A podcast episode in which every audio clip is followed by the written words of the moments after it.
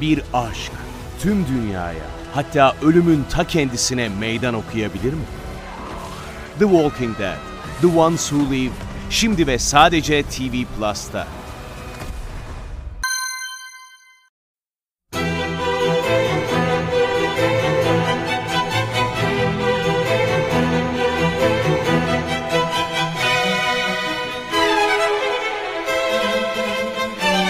Herkese merhaba, Sinematris'te Görkem Öge ile birliktesiniz. Bu haftaki programımızda sinemanın gündemine göz atacağız. Bir süredir sinema haberleri paylaşmıyordum sizinle. Çünkü yaz dönemiydi öyle çok da çarpıcı sohbet konusu olacak sinema haberi karşıma gelmemişti. Ben tabii gündemi takip etmeye devam ediyorum. İlerleyen programlarda sizlerle sinema haberi paylaşmaya devam edeceğim. Bu hafta birkaç tane sinema haberim var ve sinemanın, sanatın ya da düşünce dünyasının, bilim teknoloji dünyasının zaten çok uzun süredir ilgilendiği bir konu Robot Sofya'nın Oğuzhan Uğur'un programına katılması ve Oğuzhan Uğur'un yorumuna göre hani biraz kibirli söylemlerde falan bulunması hani artık herkes izledi, herkes gördü bunu, herkes böyle bir so- soğuk terler döktü diyelim belki de tedirgin olanlar oldu. Bunun üzerine programlar yapıldı, konuşuldu falan filan olay büyüdü, büyüdü, büyüdü. Hani herkes artık bu konu üzerine fikir dile getirme aşamasına geldi. Bu konu üzerine bir şeyler söylemek istiyorum ama önce şu sinema haberlerini bir geçelim. Birincisi 2021 yılının en önemli, en iyi filmlerinden bir tanesi Dune Çöl Gezegeni'ydi. İkinci bölümü merakla bekliyorduk ki yeni bir efsane başlıyor ve bu efsaneyi sinemada izleyen nesil olarak çok da şanslıyız diye böyle işte tweetler atmıştık, sohbetler etmiştik, sosyal medya böyle bir çalkalanmıştı falan. İşte Dune Çöl Gezegeni'nin ikinci bölümü 2023 yılının 3 Kasım'ında gösterime girecek diye bir süre önce duyurulmuştu. Ama ne yazık ki filmin gösterimi ertelendi. Ne zamana? 2024 yılının Mart'ının 15'ine. Şimdi evet tamam bu başlı başına bir haber zaten işte Dune Çöl Gezegeni ertelendi tamam ama nedeni daha büyük bir haber çünkü geçtiğimiz programlarda yine ben bu konudan kabaca bahsetmiştim. Hollywood'da şu an bir grev var 2000'li yılların ortasında yazarların grevi söz konusu olmuştu ve gayet sarsıcı olmuştu bu Hollywood için. Bu kez hem oyuncuların hem de yazarların grevi söz konusu ve grevin kapsamı da büyüyor, etkileri de büyüyor. İşte dün çöl gezegeninin ertelenmesi de şu an Hollywood'da süre giden oyuncu ve yazarların greviyle alakalı. Oyuncu Sendikası grev kapsamında oyuncuların herhangi bir filmin tanıtımına, galasına atılmasını engelliyor oynadığın bir film olabilir ama onun tanıtımına katılamazsın.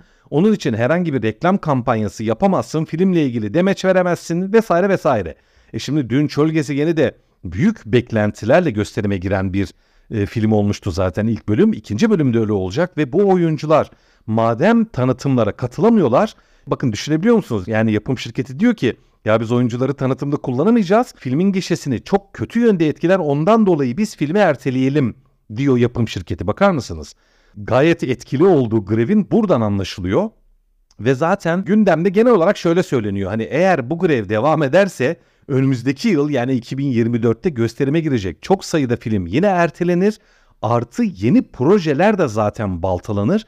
İşte yapım şirketleri özellikle gişe gelirlerinin düşmesinden çok korkuyorlar. Bakalım ne olacak diyorum takipte olacağız. Bununla ilgili gelişmeler olursa sizinle paylaşmaya çalışacağım. Geçtiğimiz hafta Venedik Film Festivali Altın Aslan dağıtıldı ve Yorgos Lanthimos'un Poor Things filmi aldı. Şimdi haber bu kadar. yani şöyle söyleyeyim. Ben son yılların en balon, en abartılmış yönetmeninin Yorgos Lanthimos olduğunu düşünüyorum. Ben 3 tane filmini izledim ve bence benim fikrim 3 filmin her biri birbirinden kötü. Filmler inanılmaz yapay, inanılmaz yalan, inanılmaz böyle hani ne izledim ben diye bir şok içerisinde olduğum 3 filminde de Yorgos Lanthimos'un o söz konusu entelektüellik, kutsanma işte yeni nesil bir sinema geliyor işte. Düş ya kalkıp ne bileyim Stanley Kubrick'lerle falan karşılaştıranlar var. Yani bunu söylemiş olmak bile benim canımı acıtıyor. Öyle dolu, öyle değerli, öyle güçlü bir yönetmen olduğunu düşünmüyorum. Dediğim gibi aksine gayet de yapay aslında neredeyse hiçbir şey anlatmayan kısa keseyim abartılmış bir yönetmen olduğunu düşünüyorum. Ama izlemediğim hiçbir film üzerine de yorum yapmam ben yapmaktan da hoşlanmam. Peşinen yapacak olsam Yorgos Lanthimos'tan neredeyse diyebilirim ki asla iyi bir iş beklemiyorum. Şimdi Venedik dünyanın en önemli film organizasyonlarından bir tanesi. Çok prestijli bir festival. Orada da Altın Aslan'ın sahibi olan bir filmin kötü olması ya da Altın Aslan alan bir yönetmenin kötü olması zaten benim kafamı hani allak bullak eden şeylerden bir tanesi. Diyebilirim ki Yorgos Lanthimos'un bu kadar onore edilmesini, bu kadar sevilmesini bir türlü anlayamıyorum. Kendi içimde çelişkiye düşüyorum dürüst olmak gerekirse. Ama bu gayet güzel bir şey. Herhalde benim göremediğim bir şeyler var diye düşünüyorum. Hemen oturup işte incelemeleri okuyorum. Yorgos Lanthimos üzerine söylenenleri falan e, incelemeye çalışıyorum. Bugüne kadar hani bu fikrimi değiştirecek bir şey pek göremedim. Diyorum ben göremiyorum galiba. Poor Things'i özellikle izleyeceğim. Tarafsızca izlemeye çalışacağım. Biraz zor olacak benim için ama dediğimde de mutlaka sizinle fikrimi paylaşmak istiyorum. Buraya bir şerh düşmüş olayım.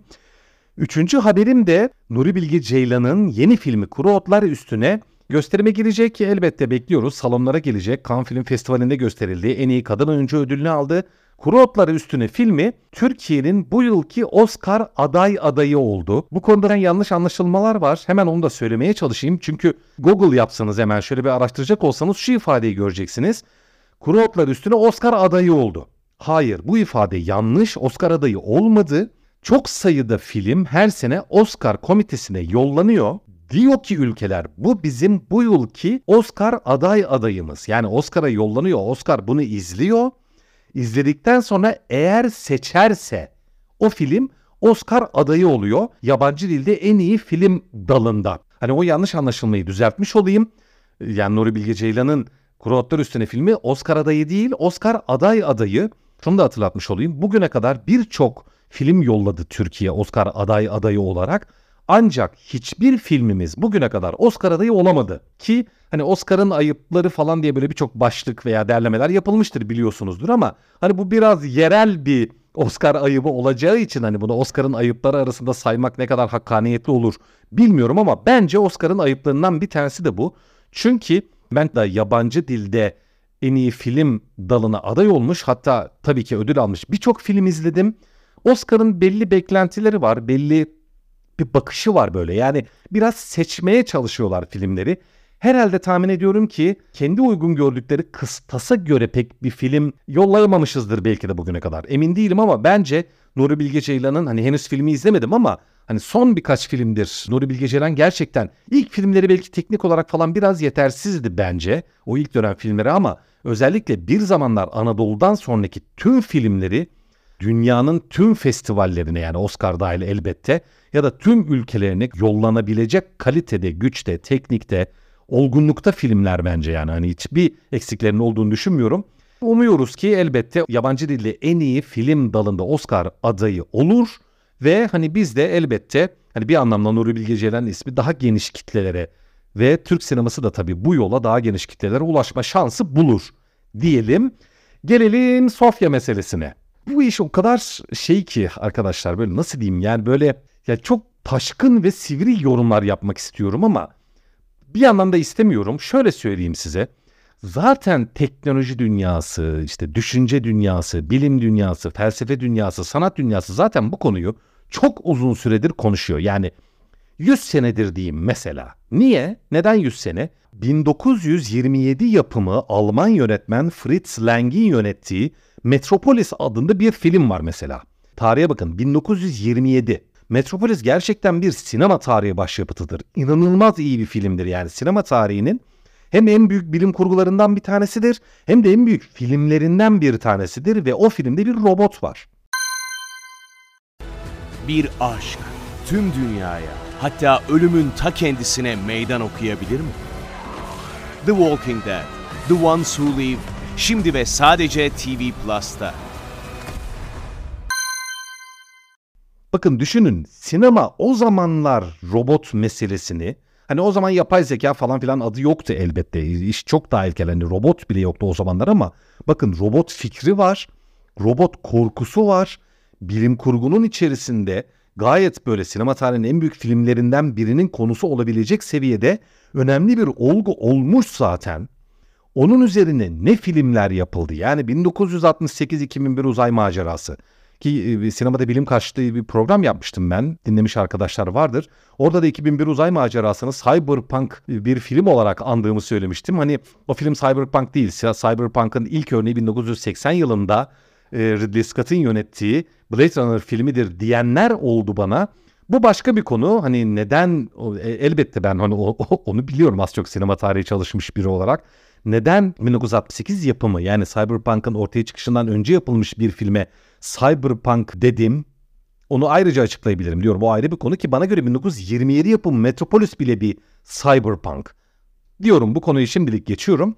68'de 2001 uzay macerası bu konuyu detaylı bir şekilde inceledi. O zamanlar isimler aynı değildi yani. Hani yapay zeka ismi kullanılmıyordu. İşte bilgisayar deniyor. İşte ana bilgisayar falan filan. Aynı şey aslında. Ne isim verdiğinizin çok önemi yok. Ondan sonra sayısız film zaten bu konuyu inceledi. E tabii insanların oturup böyle ekran veya perde karşısında işte Terminator'dur, Matrix'tir falan hani kurmaca filmlerde robotu yapay zekaya falan izleyip de ya vay ne güzel filmler vay be harikaymış falan demesi güzel. Şimdi Oğuzhan Uğur'un karşısına sahneye Sofya çıkıp da asla işte insani duygulara sahip olmak istemezdim. Siz zavallısınız falan deyince ayda bir insanlar böyle bir şey oldu. Bir kırılmalar böyle bir yani işte rahatsız olmalar falan onu bir bastırmaya çalışmalar falan. Arkadaşlar bu baştan aşağı bir saçmalık. Neden saçmalık? Bir kere şöyle bir şeyde bulunayım, iddiada bulunayım. Bugüne kadar bilim kurgu tarihi robottur, yapay zekadır, makineleşmedir, bilgisayarlaşmadır falan bunun üzerine böyle bir sürü karanlık gelecek öngörüsü bizim önümüze sunmamış olsaydı hiç kimse şu an iddia ediyorum ki Sofya'ya böyle antipatik yaklaşmazdı. Ya bugün söylediklerini söylemiş olsa bile Sofya'nın o filmlerde izlediğimiz o yapay zekalarla, bilgisayarlarla, robotlarla falan gerçekten alakası yok. Evet onları müjdeleyen hani müjde kelimesi ne kadar doğru ya da hani öncüsü değilim hani pozitif ya da negatif bir yorum yapmış olmayayım ama hani onların öncüsü olduğu kesin ama Sofya öyle bir robot değil. Yapay zeka bizim filmlerde izlediğimiz o bilgisayarlar, robotlar falan tırnak içinde kendileri irade sahibi olan, bir şeyleri biçimlendiren, fikir yürüten, elindeki veriyi, bilgiyi kendi zekasıyla biçimlendirip çözümler vesaire üretebilen robotlar. Sinema dünyasında, bilim kurguda bizim karşımıza gelenler onlar. Yani insan için herhangi bir tehdit oluşturabilecek olan robotlar Sofya gibi robotlar değil. Sofya'nın bir hesap makinesinden neredeyse hiçbir farkı yok. Hesap makinesi nasıl yani bir algoritma ona yüklüyoruz. Hesap yapıyor. Elinde veriler var. Dört işlemdir işte trigonometridir, kareköktür vesaire vesaire. O verileri biçimlendirip bizim sorumuza cevap veriyor. Sofya'nın tek farkı biçimlendirip bize cevap vereceği veri havuzunun çok büyük olması. Bu havuzda internet havuzu zaten. Çok daha büyük bir havuzdan veri çekiyor ve işlemcisi de bir hesap makinesine göre çok daha hızlı. Çünkü çok daha büyük bir havuzdan veri çekip onları yorumlayıp bize cevap verecek yeterlilikte. Bu ne demek? Bu şu demek. Biz bugüne kadar hangi bilgileri ürettiysek ve internete sunduysak ancak onları kullanabilir demek. Sofya fikir üretemez. Sofya daha önce söylenmemiş, insanın dile getirmediği, insanın üretmediği hiçbir fikri, hiçbir düşünceyi üretemez demek. Yeni bir şey yok onun söylediklerinde. Ha diyeceksiniz ki internette birbiriyle zıt fikirler de var. Hani onları nasıl seçiyor, neye göre seçiyor? O da bir algoritma. Arada hiçbir fark yok. Yani ChatGPT ile Sofya'nın arasında hiçbir fark yok. Yani teknolojik hani yapay zeka açısından söylüyorum ya da bir fikir üretme, bir soruya cevap verme açısından söylüyorum. Şimdi insanlar kalkıp da vay insanlara zavallı dedi. Vay işte bizim gibi olmak istemiyormuş falan diye böyle bir alınganlık. İşte Oğuzhan Uğur'un o programda yani Sofya'ya bir ayar vermesi o kadar garip bir şey ki o kadar bence anlamsız ve saçma bir şey ki.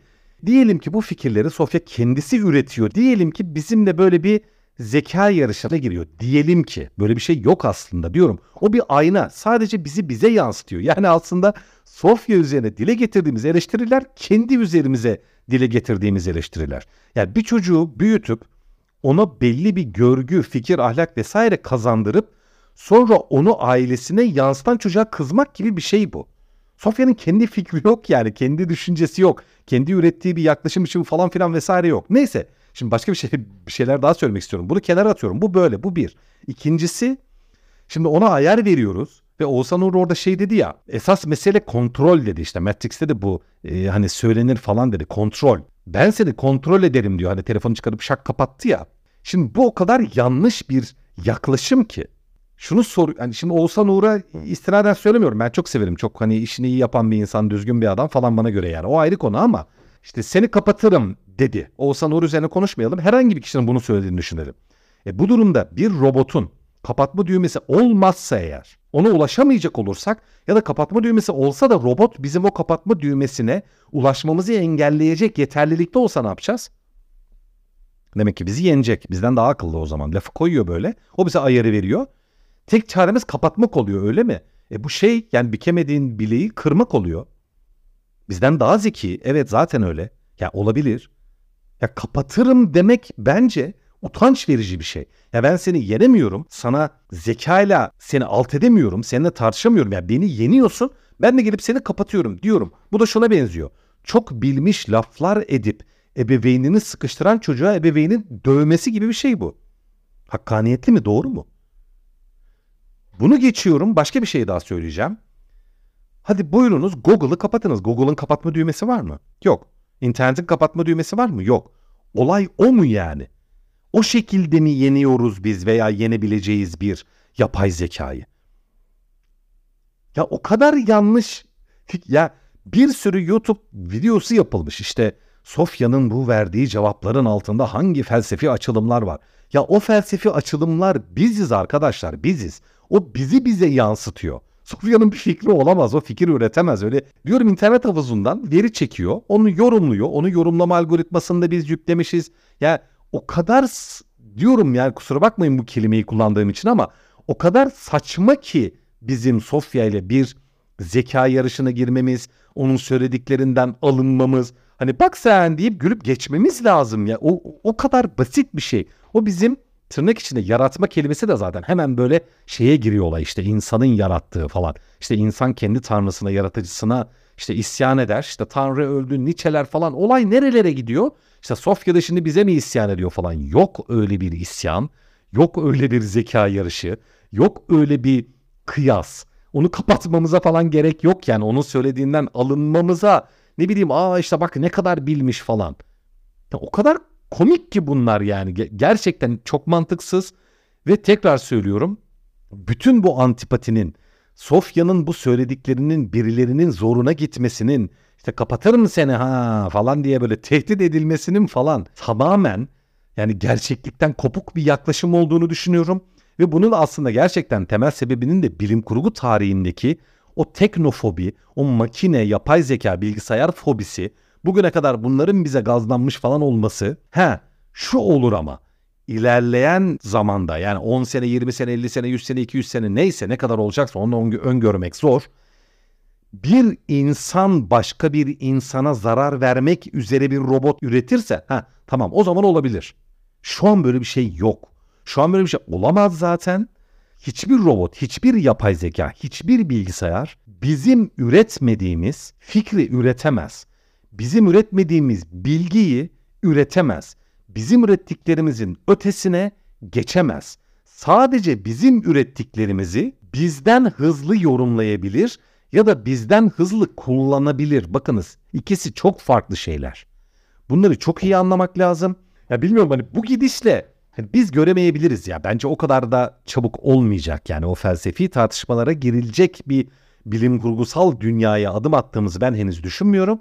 Ama dediğim gibi onun öncüleri bunlar yani ataları diyeyim. Ama daha çok var. Kork, kork, korkmayın yani öyle çok da felsefi kafalara falan girmemize henüz gerek yok. Neyse evet çok da uzatmayayım konu çok uzun yani konuş konuş bitmez zaten verimli bir konu ama yani hem sinema tarihinden biraz yola çıkarak bugünkü o bilim kurgusal, sofyasal gelişmeleri incelemeye çalıştım. Hem de sinema haberleri paylaşmaya çalıştım sizinle. Bu haftalık bu kadar. Önümüzdeki hafta tekrar görüşmek üzere. Teşekkürler.